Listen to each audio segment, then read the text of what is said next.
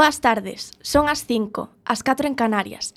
Chámome Zoe e formo parte do grupo de alumnos do IES Ramón Otero Pedrallo da Coruña, situado na avenida Monelos desta cidade. Estamos aquí para facervos pasar un anaco cun programa cheo de música, risos e diversión. Vou vos presentar aos meus compañeiros. Boas tardes, Noelia. Boas tardes, Zoe. Yani. Hola, que tal? Alicia. Boas tardes. Lara. Boas. Marina. Hola, Zoe e Alexia. Bo día, Zoe.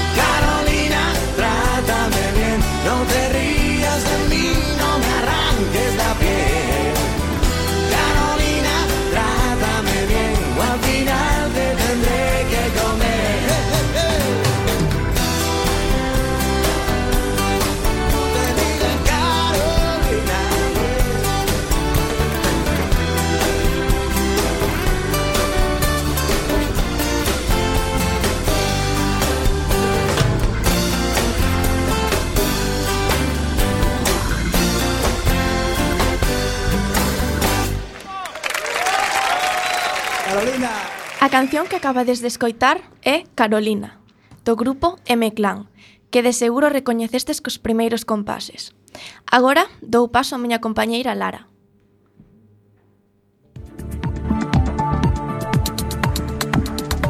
Podía ouvintes, chega agora a quenda das noticias máis curiosas das últimas horas. Comenzamos cun suceso que tiña lugar a pasada madrugada. Unha anciá faleceu tras caer unha pel de plátano no balcón da súa casa.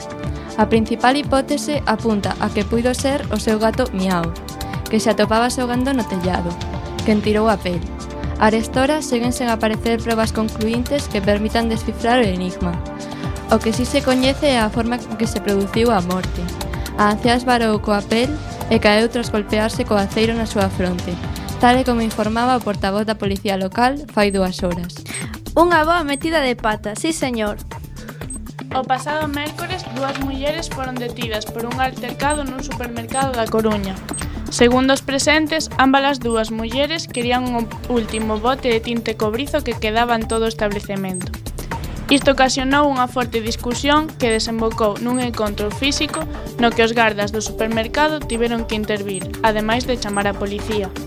Unha das mulleres tivo que ser hospitalizada por un grande golpe na cabeza Xa está recuperada e posta a disposición xudicial. Para presumir hai que sufrir. O pasado luns, na aldea de Betanzos, unha señora deu un chachazo a outra na cabeza. Segundo ela, a outra estaba sachando as partacas que pertencían á súa leira, cousa que non era certa e que despois demostrouse. A señora morreu e a agresora foi ao cárcere condeada a unha pena de cinco anos. Vaya golpe de sorte. E rematamos este boletín informativo cunha noticia local. Este mediodía, os bombeiros e policías locais recibían unha chamada dunha muller duns 80 anos, pedindo socorro polo seu kiwi. Segundo as autoridades, a señora insistía en que debían rescatar o seu kiwi xa que escapara pola ventá da cociña nun descoido. Os servizos de emerxencia fixeron caso omiso ás súas chamadas, mais testemunhas dos feitos aseguran que fai dúas horas un kiwi voaba pola avenida de Alfonso Molina. Unha avenida moi concorrida a esas horas na que tivo lugar o sinistro do kiwi contra un coche, provocando un accidente en cadea que se estendeu ata o Burgo, deixando unha dúcia de feridos leves. O kiwi, unha ave de gran envergadura, morreu no impacto contra o coche, o que deixou a súa dona inmersa nunha gran pena. O dos kiwis é che cousa seria. Grazas, Alesia. Escostam, escoitamos agora unha canción que se atopa no máis alto das listas mundiais. Hello, de Adele. Hello, it's me. I was wondering if after all these years you'd like to meet to go over everything. They say that time's supposed to heal ya, but I ain't done much healing. There's such a difference between us and a million 唉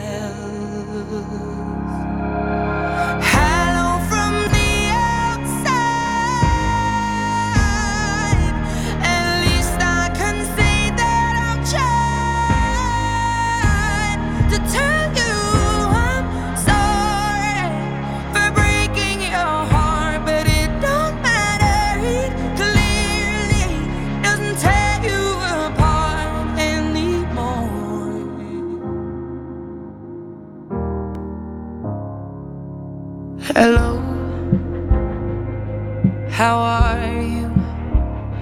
It's so typical of me to talk about myself. I'm sorry, it's no secret that the both of us are running out of time.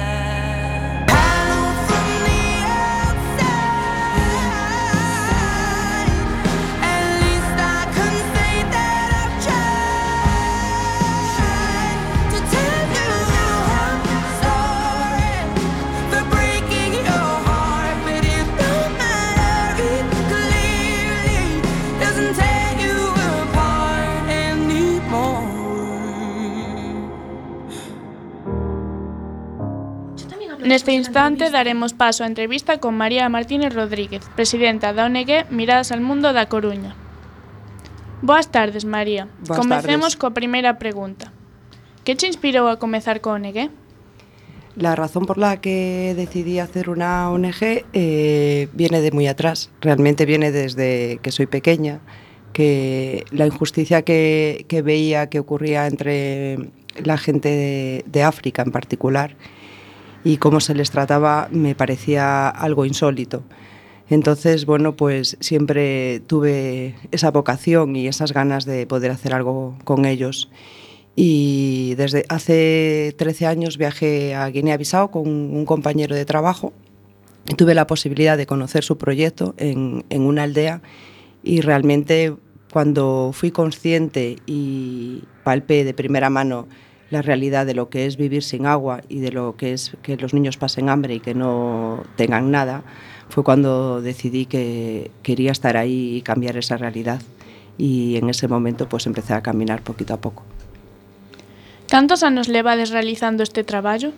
Eh, la ONG Miradas al Mundo eh, funciona desde hace ocho años, que realmente la constituimos porque había mucha gente que nos daba dinero cada vez que nos íbamos para África y, bueno, pues eh, nos parecía que teníamos que constituir algo un poco más sólido, porque al final llevábamos ese dinero de nuestros amigos, de nuestros conocidos, a veces hasta de gente que no nos conocía, lo llevábamos en el bolsillo para hacer pequeños proyectos.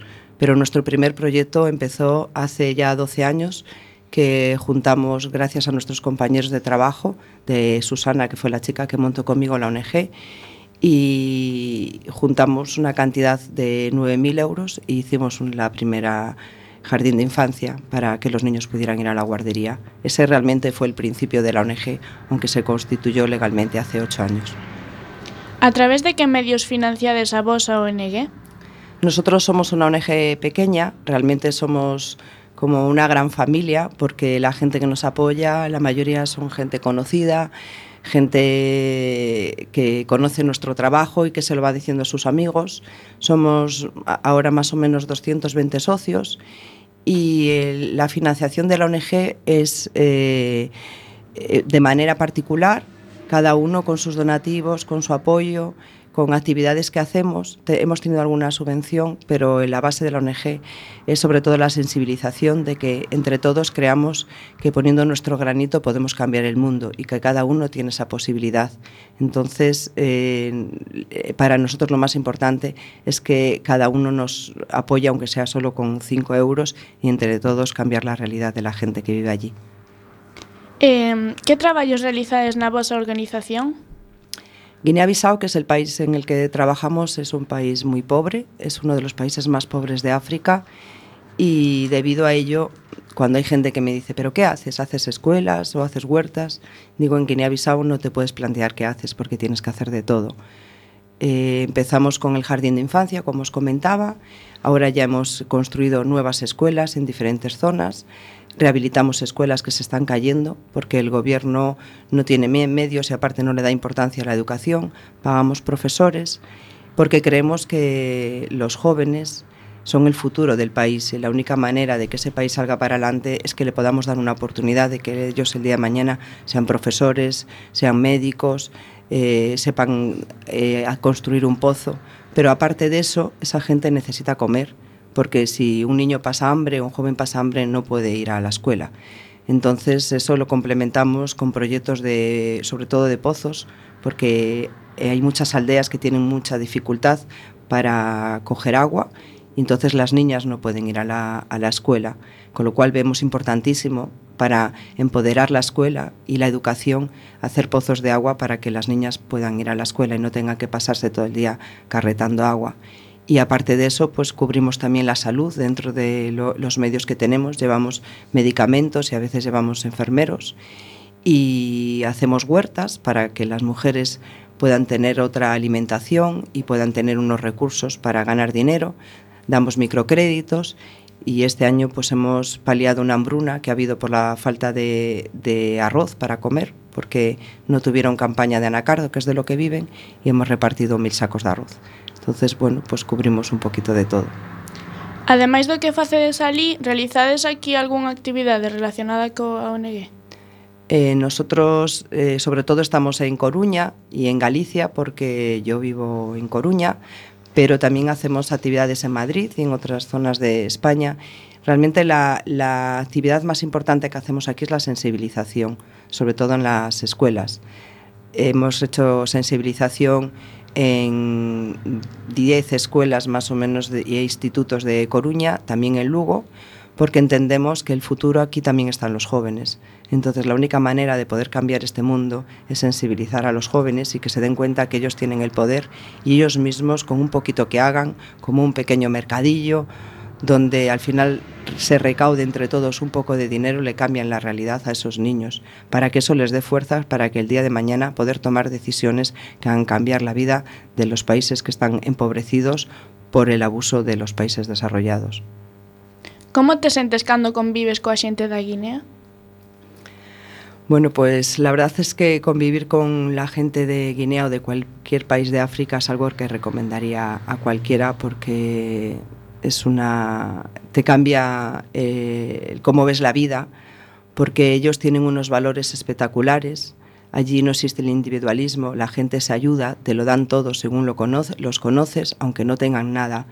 Entonces yo me siento muy afortunada de poder convivir con ellos. Nosotros el proyecto lo tenemos en una aldea y lo más bonito es poder vivir con ellos y sentir que ellos forman parte de tu familia desde el momento en que empiezas a trabajar con ellos.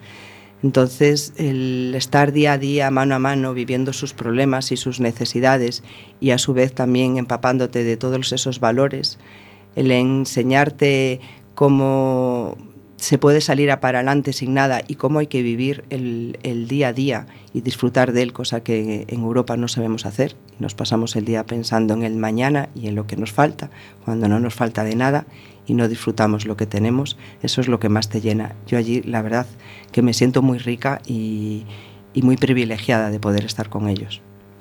E rematamos coa entrevista. Moitas gracias, María, pola súa colaboración.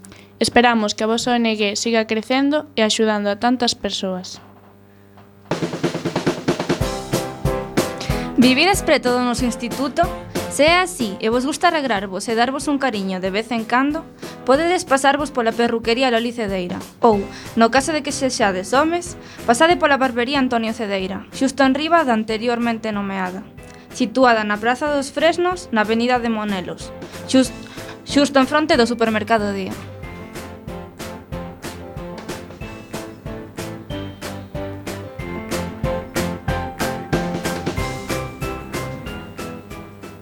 E a continuación, imos escoitar unha canción moi coñecida actualmente polos rapaces e rapaces de todo o mundo, What Do You Mean, de Justin Bieber.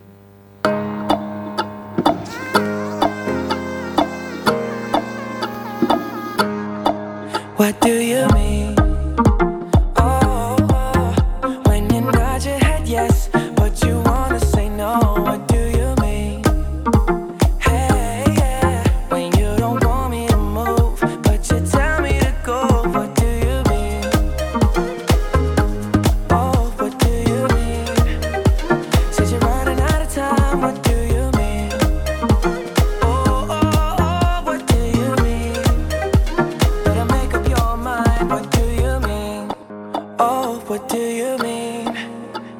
Said you're running out of time. What do you mean?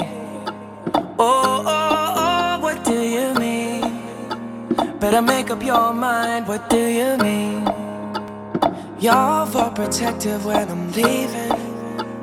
Trying to compromise, but I can't win. You wanna make a point, but you keep preaching. You had me from the start, won't let this end.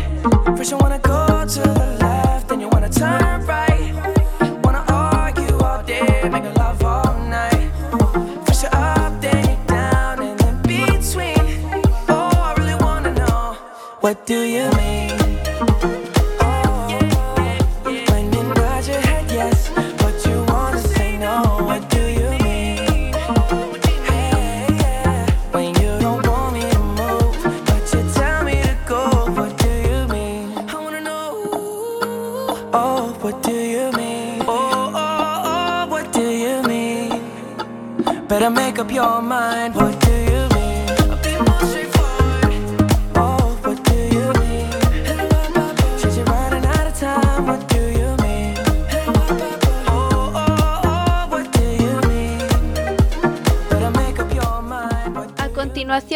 imos introducir a nosa sección cultural xove, na que vos falaremos de libros e películas que se cheará, que se estrearán este ano 2016, así como de algunhas que nós xa vimos e das que vos proporcionaremos un pequeno comentario.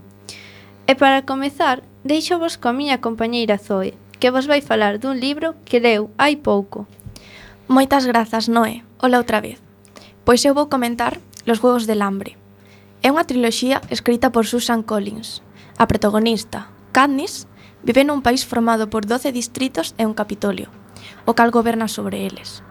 Cada ano celebranse os chamados Juegos del Hambre, un evento no que un rapaz e unha rapaza de cada distrito son escollidas aleatoriamente e enviados a un lugar creado artificialmente para que loiten ata que só un quede con vida. A rutina diaria de Katniss cambia cando a súa irmá xa elixida na cosecha, o evento no que se elixen os participantes dos xogos. E Candice ofrécese voluntaria, tendo así que enfrontarse a estes xogos. Esta saga prolongase en tres libros nos que se xuntan os xogos, un triángulo amoroso, a aparición dun novo distrito, revoltas... Baseados nestes libros, estreáronse catro películas que tiveron un gran número de espectadores como cabía de esperar. Moitas grazas, Zoe. Eu mesma vou vos falar agora de Cazadores de Sombras, Esta é unha saga composta por seis libros, escrita por Cassandra Clare. A protagonista, Clary, é unha adolescente normal, mais cando está na discoteca co seu mellor amigo Simon e presencia un asasinato que solamente ela ve, comeza a asustarse. Un día, ao chegar á súa casa, ve que a súa nai desapareceu e atópase con Jace, un dos asasinos, que resulta ser un cazador de sombras, os cales matan demonios. Así, Clary vese envolta nun mundo que non coñecía. Ademais, comece a cuestionarse que só era B Jace e os seus amigos. Tal vez ela sexa unha cazadora de sombras. A continuación, a miña compañeira Alicia comentará vos un libro que se publicará próximamente. Fuera llueve, dentro tamén. Paso a buscarte, de Antonio Diquel y Estefan. Antonio é o protagonista nesta historia que comeza cun corazón roto. A súa ex acaba de sair co seu mellor amigo. El non acaba de facerse o novo barrio. A relación cos pais é difícil, hai problemas económicos sufridos pola familia. A vida dun adolescente normal se non fose porque Antonio tamén ten que xestionar un problema maior, o racismo. Con todo, os problemas comezan a parecer máis soportables cando se atopa con Linda, Que valente ten que ser alguén para amar a unha persoa que ama a outra. Grazas, Alicia. Cambiamos de tema. A que non lle encantan as películas? Pois agora falaremos vos de algunhas. Por favor, Yani, comeza. Grazas, Noé. The Martian é unha película estadounidense de ciencia ficción de 2015, dirixida por Ridley Scott e escrita por Brio Codaro. O protagonista principal é Matt Damon. Está baseada na novela de Andy Weir, Durante unha misión a Marte, da nave tripulada Ares 3, unha forte tormenta desátase dando por desaparecido e morto ao astronauta Mark Watney, pero este sobrevive. Está só e sen apenas recursos no planeta. Con moi poucos medios deberá recurrir aos seus coñecementos de botánica. O seu optimismo é un gran instinto de supervivencia para lograr sobrevivir e comunicar á Terra que aínda está vivo esperando que acudan ao seu rescate. Leal É outra película que se estrea o 18 de marzo. É a terceira e última película da triloxía formada por Divergente, Insurgente e Leal, escrita por Verónica Roz. Nunha sociedade dividida en cinco faccións, erudición, verdad, cordialidade, osadía e abnegación, atopámonos con Tris, pertencente á última das faccións. De pequeno, vives na facción dos teus pais, mais aos cumplir os 16 anos, tes a posibilidade de escoller a que ti queiras.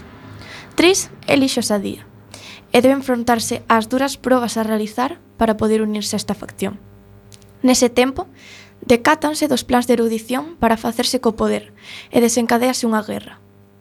Nesta última película, presenciaremos o, des o desenlace da triloxía. Partes nas que choraremos, partes nas que nos alegraremos e, sobre todo, disfrutaremos. Grazas, Toi. Agora vou vos falar dunha película que hai moi pouco que se estreou, Hermanísimas. Hermanísimas é unha comedia co que seguro que pasades un bo anaco. É unha película dirixida por Jason Moore, na que dúas irmáns, Jane e Maura, volven á casa dos seus pais, debido a que a casa vai ser posta á venda. Mentre recollen todo, deciden organizar unha última festa ali. Reunirán os seus amigos, compañeiros de instituto e será unha fin de semana que nunca olvidarán. Na quinta ola, cuxa trama pasa no presente, catro ondas de ataques mortais acabaron con gran parte da Terra. Con este escenario de medo e desconfianza, Casey, un adolescente de 16 anos, fuxe tentando desesperadamente salvar o seu imán pequeno. Mentres que prepárase para a chegada da quinta ola inevitable e mortal, Casey coñece un mozo que podería chegar a ser a súa última esperanza. Para rematar con esta sección cultural, Marina vai nos falar dun par de museos. Boas tardes. Gusta vos a arte? Se é así, non podedes perder de visitar o Museo de Belas Artes da Coruña. Expón pezas moi variadas, tanto pintura como debuxo, escultura, gravado, artes deco decorativas e ata arqueoloxía. Pezas de varios e grandes artistas galegos como Sotomayor e Colmeiro e tamén grandes artistas internacionais como a Rubens ou Carducci. Vemos dende grabados de Goya ata cerámica de, de Sargadelos distribuídas nas seis salas que constitúen as tres plantas que ten o museo. Tamén ten moitas exposicións itinerantes. Este ano pasado, de feito, tivo unha de Picasso, da cal aínda queda algunha obra exposta. Unha experiencia máxica e chea de arte que vale a pena vivir. Outro bo sitio para visitar completamente diferente e de ámbito literario é a Casa Museo da nosa autora por excelencia, Rosalía de Castro. A súa propia casa foi reformada para que o público poida saber da súa obra e vida. Está dividida en dúas plantas. A planta baixa, denominada o perfil dunha sombra, na que podemos ver unha moi boa exposición da súa obra, autobiografía, crítica literaria, premios, fotografías e moitas cousas máis para informarnos ben da, da autora. Na planta superior, denominada o seu, podemos ver unha recreación da súa casa, cos cuartos, o escritorio e outros obxetos que mostran como era a vida rural da época. Unha boa experiencia para enriquecernos da nosa cultura.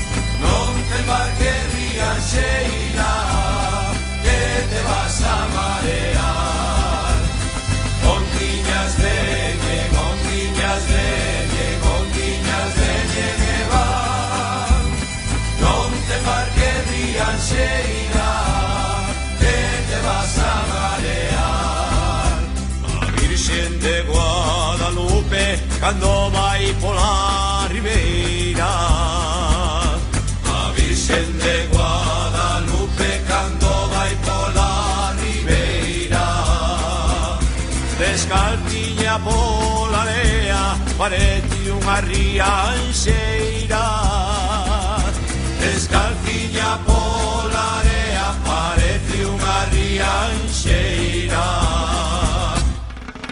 tiñas de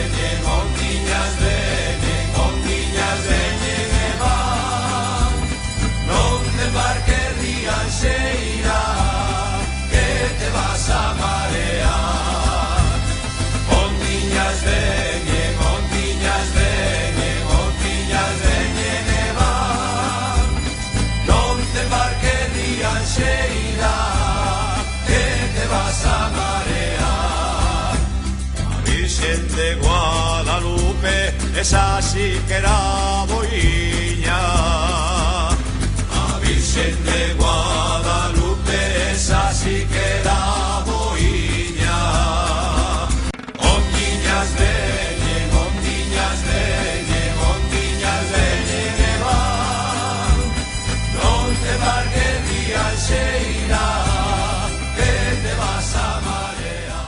que acabades de escoitar chamase A Rianxeira, que supoño xa recoñeceredes moitos de vos. Agora damos paso á nosa sección de Curiosas aplicacións para o teu teléfono móvil, na que vos informaremos de aplicacións que vos resultarán moi útiles e seguramente non coñecedes. Desta primeira app vai nos falar Marina. Ola de novo, Esta aplicación da que vos vou falar chamase Cerberus. É moi pouco coñecida, pero pareceme moi útil, xa que te axuda a topar o teu móvil en caso de pérdida ou roubo. Se calquera das dúas opcións sucedese, non teríades máis que entrar en Cerberus no ordenador co voso código e xa vos indicaría onde se atopa o dispositivo. Sen dúbida, de gran utilidade para desastriños como a min. Moitísimas grazas, Marina. Tamén temos connosco a Lara, que vos mostrará unha aplicación que poderedes utilizar diariamente. Boas tardes outra vez. Vou vos presentar Chicísimo, unha app moi útil para as mulleres que non saben que poñerse cada día. En Chicísimo ti elixes a prenda e o color e aparecenche diferentes conxuntos que dan ideas para saber como combinar a túa roupa. Ademais, permite crear álbumes con, cos conxuntos para guardar e organizar millóns de, de ideas para próximas ocasións. Moitas grazas, Lara. Por último, Jani vai nos falar dunha aplicación que axudará moito condutores distraídos. Adiante. É verdade, Alexia. A aplicación da que vou falar hoxe é nada máis e nada menos que automática. Automatic é un sistema que nos axuda a encontrar o sitio onde está aparcado o noso coche. Como funciona? Pois a verdade é un sistema moi sinxelo e útil, que conecta o noso automóvil co teléfono para non perdelo de vista. Tamén vale para cando non lembramos moi ben se aparcamos o coche no G ou no H, no azul ou no vermello, ou incluso se nos roubaron. Ademais, dende ela podemos avisar aos servizos de emerxencia. De momento, soamente se encontra disponible para iOS.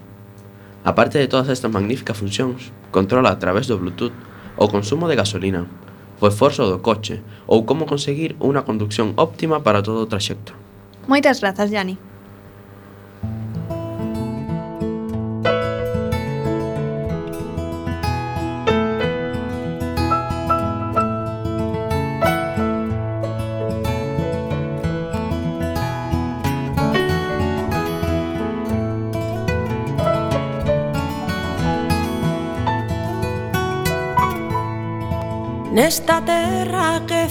testamento que acolle os lamentos e anima a olvidar. Infectada de sangue usureiro, caciques modernos, mecenas do mal. Vivo dentro dun monte de area tinguido de brea que non limpa o mal. Que esperanza de tomar alento pra ver o momento de nos libertar. Mais aí aínda seguimos aquí. Aturar tempestades de sal Resistindo a violencia de mans desas serpes e cans que nos queren calar. Compañeiras nos soños do Edén Unha illa no medio do mar Que iluminan o loito máis negro que esqueció desterro e o medo a loitar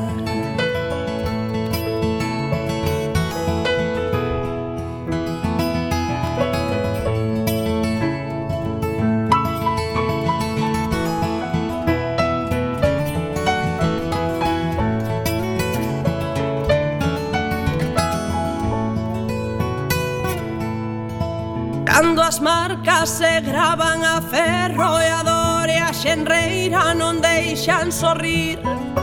As penurias van alén da fame, falta identidade que axuda a vivir. Só se calmo o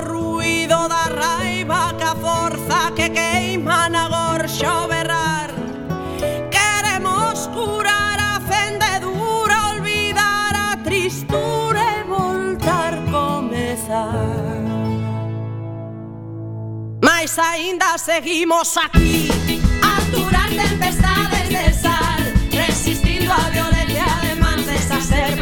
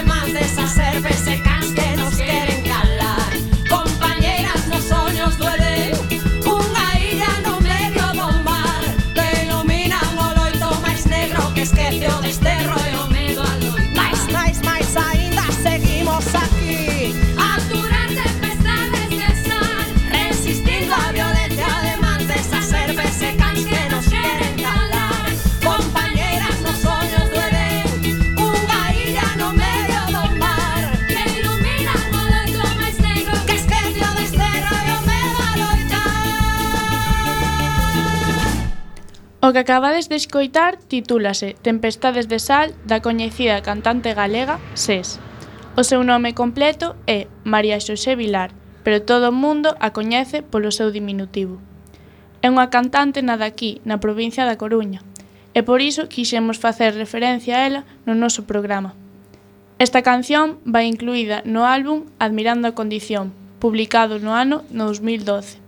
E agora damos paso a Turismo Galego. Non hai nada mellor que coñecer ben o noso. Galicia é unha terra chea de lugares belísimos.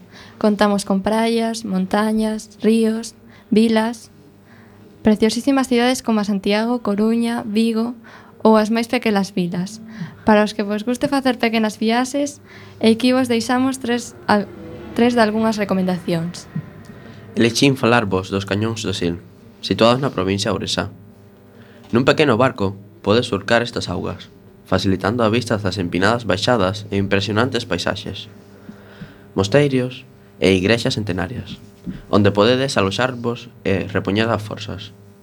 Tamén pode facer algunhas rutas de senderismo ou mesmo visitar as catas de viño. Un sitio moi recomendable para visitalo coa familia ou amigo, pero non con nenos. Eu, no verán, achegareime a velo e deleitarme coa beleza da flora e fauna. E se es desas persoas as que lles gusta facer rutas de sendeirismo en lugares apaixoantes, e se non, seguro que tamén vos vai gustar, non perdades de visitar os muiños do Picón e o Folón, situados no Concello do Rosal, en Pontevedra. É unha ruta de aproximadamente unha hora ou hora e media, nunha paisaxe montañosa constituída por 36 muiños restaurados en subida e baixada. Iso sí, Se tes algún tipo de problema físico ou pretendes ir con nenos, mellor unha rutiña algo máis chá. Ten unhas increíbles vistas, sobre todo cando subes ao máis alto dos muiños. É unha imaxe que, crédeme, queda na memoria para sempre. Ademais, tendes a sorte de que está ao ladiño do castro de Santa Tecla, o cal podedes aproveitar para visitar. E de paso, tamén ir a ver a fronteira co noso país veciño. É unha viaxe que non debedes perder. O lugar do que eu vos vou falar é unha praia, na miña opinión, maravillosa. Atopas en Aguiño, Ribeira, preto da illa de Sálvora. É moi ampla, ten unhas pequenas dunas de area moi fina, aínda que se están a desfacer por mor dos fortes ventes do inverno. Cando a marea non está moi alta, un conxunto de pedras, bastante grandes, deixanse ver e podese acceder a elas. Os rapaces da zona xogan e tíranse a auga desde elas e incluso lles teñen nomes segundo a utilidade que lles dan. Por exemplo, o trono por ter esta forma, ou o jacuzzi por ser un oco entre as rochas cunha auga realmente quente. En días en que o mar está en calma, os arroaces, un tipo de delfíns, móstranse e é precioso. Recoméndovos que se non visitastes nunca esa localidade o fagades, aínda que só xesa por esa praia. Iso sí, ide no verán e, se non aturades a auga algo fría demais, non vos metades ao mar. Uns sitios preciosos, sen dúbida. Agora, xa que temos aquí a nosa compañeira Zoe, gustaríalle, gustaríame facerlle unhas preguntas sobre unha das súas paixóns, a gimnasia rítmica. Moi ben, Zoe.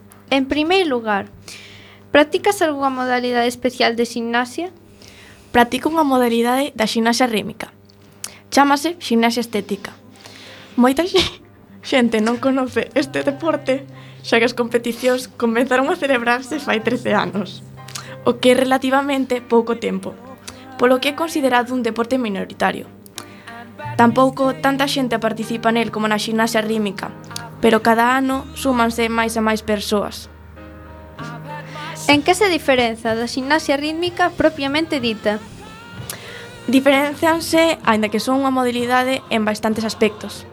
Por exemplo, mentras na xinaxa rítmica se, utiliza, se utilizan aparatos como a pelota, o aro ou a cinta, na xinaxa estética facemos unha coreografía sen aparatos e con un maior número de xinastas, sete ou oito normalmente, no noso caso oito. Tamén se valora máis a igualdade co que facemos os movimentos e a expresión facial. Os exercicios duran un pouco máis de tempo e sempre son colectivos, nunca hai exercicios individuales. Sabemos que o clube no que participas se chama Acordes. Canto tempo levas ali practicando este deporte? No Club Acordes levo participando cinco anos. Eh, chamase Club Acordes de Oleiros, aínda que tamén hai un en Pontedeume e outro en Narón. Aínda que xa levaba tres anos nun club de Lugo que se chamaba Porta Norte. E eh, cando cheguei a Acordes, comecei facendo xinasia rímica durante dous anos e xa me xuntei con catro nenas coas que sigo participando ahora. Pero dende fai tres anos practico a ximnasia estética con outras compañeiras. Se nos quixésemos apuntar a este clube, a onde teríamos que ir? Para apuntarse ao clube, poderíamos entrar na páxina web clubacordes.com onde xa nos sairía a información necesaria e con quen contactar. Tamén hai unha conta de Facebook Club Acordes, Rítmica e Estética, donde se poden ver, por exemplo, fotos das gimnastas ou logros do clube. Con solo falar coa nosa entrenadora, Rebeca, Cris ou Ruth, calquera de todas as que hai, xa nos manterían informadas de como apuntarnos. Como é a relación entre vós, as gimnastas? Moi, moi boa. Elena, Paula, Arancha, Andrea, Rosalía, Esther, Amalia, Ana, Noa, Brenda e eu Levamos xa tres anos xuntas. E, e adestramos 4 ou 5 días da semana, mm, 5 cando se achegan os campeonatos. Polo tanto, estamos todas moi unidas e pasámoslo xeneral adestrando xuntas, algo que é moi importante, porque faiche que teñas ganas de ir a adestrar todos os días. Temos, e teño, moita sorte de ter un conxunto como elas, e mándolles un saúdo desde aquí. Tedes participado en algún campeonato nacional? Cal credes que será o voso próximo cap campeonato? Eh, sí, temos participado en campeonatos nacionales. Eh, o primeiro campeonato nacional ao que fomos foi fai tres anos en Cartagena, que no que nos clasificamos para a final e quedamos en noveno lugar. E, fai dous anos participamos tamén no Campeonato Nacional de Huesca, e quedamos en cuarto lugar, algo que nos deu así un pouco de rabia, porque quedamos moi preto das terceiras. E entonces quedamos un pouco moi felices, pero un pouco tristes porque sabíamos que si hubiéramos adestrado máis ou si nos hubiéramos esforzado un pouquiño máis, ao mellor podíamos subir ao podio. Pero este ano, en novembro, cando fomos a Murcia, a primeira fase da Copa de España, conseguimos a primeira posición, algo que, sinceramente, non nos esperábamos. E, en encima, a Federación Española díxonos que ao conseguir esa posición eh, nos podíamos eh, clasificar para o Campeonato Europeo que se celebra este mes de febreiro en Estonia e ao que nunca fumos, nin sabemos como é, aínda que sabemos que é moi difícil quedar en podium ou quedar nunha boa posición, queremos ir, dar o mellor que sabemos, deixar a España nunha boa posición e polo menos intentar pasar á final na que pasan as dez primeiros equipos. Podes explicarnos como son os campeonatos? Sí, poido vos explicar como son os campeonatos, sobre todo nacionais, porque son os que nos que máis temos participado. Os campeonatos nacionais nós viaxamos un xoves pola noite, chegamos ali o vernes por, sí, pola mañá, máis ou menos, normalmente. E ese mismo día pola tarde temos o pase por tapiz. O pase por tapiz non nos evalúan ni nos puntúan ningún ningún xuiz, Nos solo probamos o tapiz aí, intentamos liberar un pouco os nervios, aínda que ao próximo día tamén hai bastantes. E E xa está. Despois, o sábado, eh, o campeonato dura pola mañán e pola tarde, e pola tarde eh, nosos, mm, nos sola, soa, normalmente, pola tarde é cando facemos o noso baile, e aí danos as primeiras puntuacións. Os 10 mellores equipos pasan á final, que se celebra o domingo. Cantas horas entrenades? Eh, e nós normalmente entrenamos sobre 12 horas á semana, 4 días. Eh, e 3 ou 4 horas cada día. Pero cando se acercan as competicións, sobre todo a unha como esta, estamos entrenando máis. 5 días e unha media de 16, 17 horas. 3 horas pola semana e 4 os domingos. Non, non se fai pesado. Ao principio, cando estás na casa, pode que non teñas moitas ganas de ir ou pode que te sintas un pouco cansado e tal, pero cando chegas ali e empezas a entrenar xa te das conta do motivo polo que te estás esforzando e por que estás traballando tanto por eso e pensas que non tes que esforzar porque e chega, conseguiches chegar hasta un nivel moi alto e agora non podes deixar de entrenar e tirar todo pola borda, como se soe decir. De que se compón o vosso vestiario? Pois o noso vestuario compónse da malla coa que competimos, que cambiámola cada ano, e fainola un... A nos fainola Santos Salgados. e, e, e despois eh, temos varias camisetas iguais, pantalos iguais, sudaderas. O vestuario co que salimos á calle, entrenamos porque temos que entrenar todos os días iguais. E deso composa o noso vestuario. Eh, os vestiarios eh, tedes los que, o sea, os viaxes tedes los que pagar vos ou pagan nos eles? Pois os viaxes temos que pagar nós, porque a, non nos lo subvenciona naide, ninguén. Estamos ahora para Estonia, saenos un pouco máis caro, E entonces, pois, estamos recaudando fondos, eso.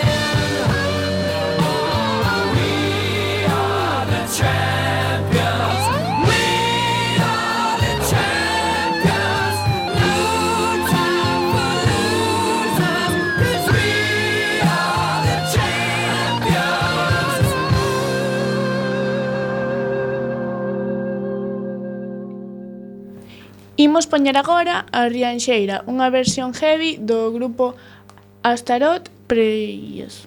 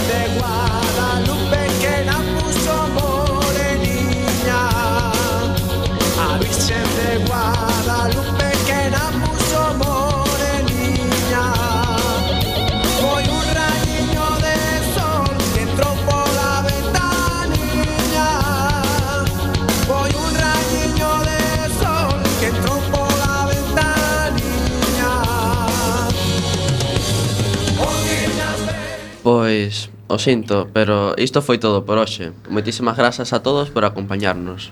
Desechamos que o pasarades ben. Boas tarde e ata a próxima. E agora queríamos mandar un saúdo a todos os nosos compañeros e compañeras do IES Otero Pedrallo, en especial os do cuarto da ESO.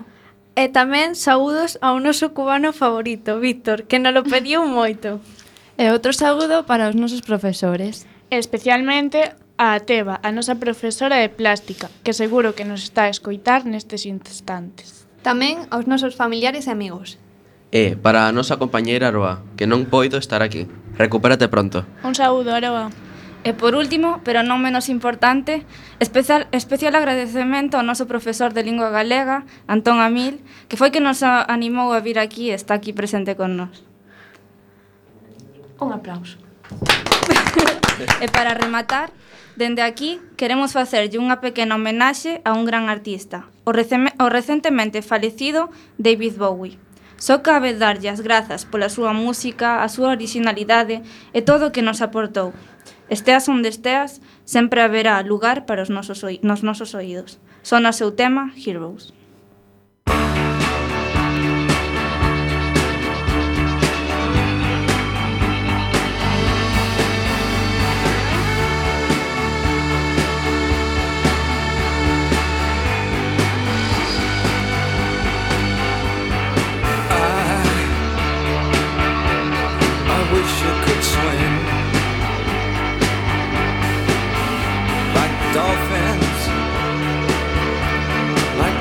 Can swim. Though nothing, nothing will keep us together. We can beat them forever